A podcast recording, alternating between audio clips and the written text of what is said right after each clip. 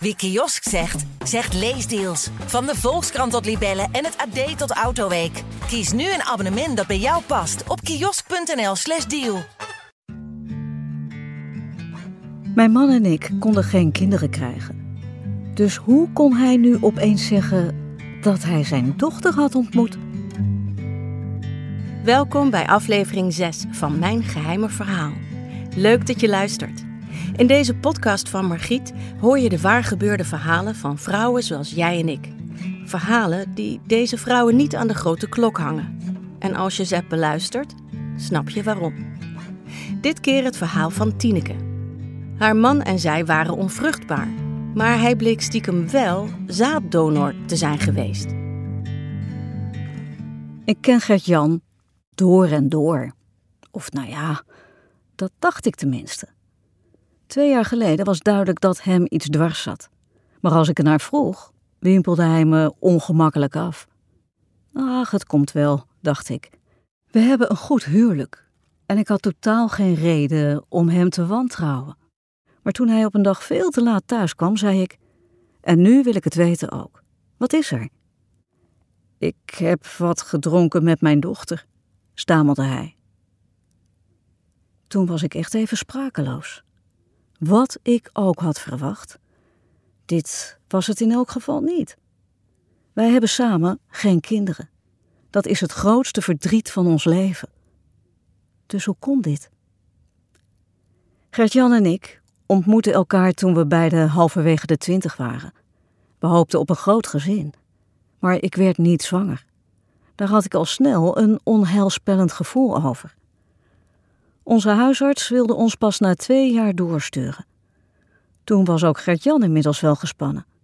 Hij was erg bang dat het aan hem lag. Hij is vroeger gekleineerd door zijn vader, die hem geen echte man noemde. Zouden die woorden dan toch waar zijn? Maar nee, het lag aan mij. We zijn zes keer door de hele molen van IVF gegaan. De laatste keer was het raak, maar ik verloor ons kindje na twee maanden. Toen ik weer opkrabbelde, dacht ik: dit nooit meer. Ik wist dat ik een nieuwe teleurstelling niet meer te boven zou komen. Gert-Jan wilde wel doorzetten. Toch legde hij zich erbij neer. Ik voelde me daar schuldig over. En soms zei ik dat hij dan misschien maar een andere vrouw moest zoeken. Maar dan werd hij boos en zei: Ik hou van jou. En als het ons samen niet lukt, dan blijven we kinderloos. Hoewel het altijd een gemis is gebleven, hebben we een fijn leven gekregen samen. Met veel vrienden en dieren. Daarnaast genoten we van onze liefde. Vaak zeiden we trots tegen elkaar dat we niemand kenden met zo'n mooie, eerlijke relatie als wij. Wat had hij al die tijd voor me verborgen gehouden? Hoe kon het dat er nu opeens een dochter opdook? Had hij soms een affaire gehad? Nee, dat was het dus niet. Toch voelde de waarheid als minstens zo'n groot bedrog. Gert-Jan had het zo verdrietig gevonden dat hij geen nageslacht zou krijgen, dat hij een paar keer een spermabank had bezocht. De gedachte dat hij op die manier zijn sporen kon nalaten en daar mensen mee hielp, gaf hem troost. Hij had mij dat niet verteld. Niet alleen omdat hij bang was dat het mij zou kwetsen, maar ook omdat hij bang was dat ik, als ik wist hoe diep zijn kinderwens zat, er nog harder op zou aandringen dat hij een andere vrouw zou zoeken. Of nog erger, dat ik zelf de relatie zou verbreken. Omdat hij anoniem had gedoneerd, was hij ervan uitgegaan dat het nooit zou uitkomen. Maar tijden veranderen. Verleden jaar was hij gebeld door zijn zus. Zij staat op MyHeritage, een internationale DNA-databank, en was benaderd door een vrouw, Danielle, die aan haar was gematcht. Door die match wees alles erop dat Gert-Jan haar biologische vader was. Mijn schoonzus had hem geschokken ingelicht. Mijn man was in alle staten geweest toen hij het hoorde. Hij voelde paniek, maar ook blijdschap. Hij had gemaild met Danielle en nu had hij haar dus ontmoet. Hoewel ze nog een DNA-test moesten doen, was het duidelijk dat dat slechts een formaliteit was. Ze leek sprekend op hem. De avond dat hij me dit alles vertelde, was ik erg overstuur. Ik voelde me vreselijk bedrogen.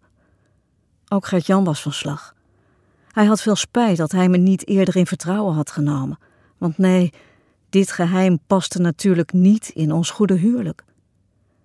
Hij beloofde met zijn hand op zijn hart dat dit het enige was wat hij voor mij verborgen had gehouden. In de dagen erna zakte het nieuws. En langzaam kwam er een nieuwe gedachte bij me op. Misschien was dit niet alleen maar erg. Misschien kon er ook iets moois uit voortkomen. Niet veel later is Danielle samen met haar man bij ons op bezoek gekomen. Ik schrok ervan hoeveel ze op Gert-Jan leek. Ze bleek een leuke vrouw die altijd had geweten dat ze van een donor was. Ze ging daar laconiek mee om, maar vond het wel fijn om meer over haar achtergrond te weten, zeker nu haar moeder en opvoedvader waren overleden. Het was een bijzondere avond. Ik kan niet anders zeggen. Ik zag hoe fijn Gert-Jan het vond om haar te zien. En ook al bracht ze dan een heel scala aan emoties bij me teweeg, ik kon niets anders dan deze sprankelende vrouw in mijn hart sluiten. Sindsdien hebben zij en Gertjan elkaar vaker gezien. Meestal was ik daar dan ook bij. Er is een mooie, unieke band gegroeid, die een extra dimensie heeft gekregen nu Danielle zwanger is. Ze heeft uitgesproken dat ze het fijn zou vinden als wij de rol van opa en oma op ons willen nemen.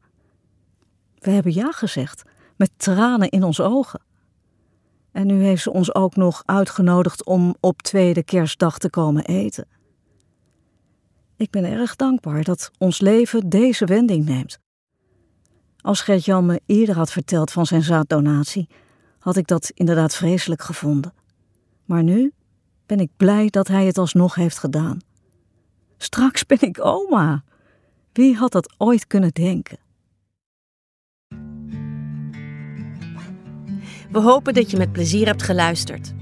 Meer geheime verhalen horen? Abonneer je op deze podcast.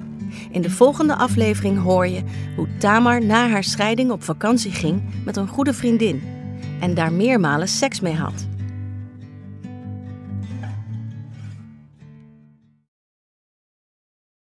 Wie kiosk zegt, zegt leesdeals. Van de Volkskrant tot Libellen en het AD tot Autoweek. Kies nu een abonnement dat bij jou past op kiosk.nl/slash deal.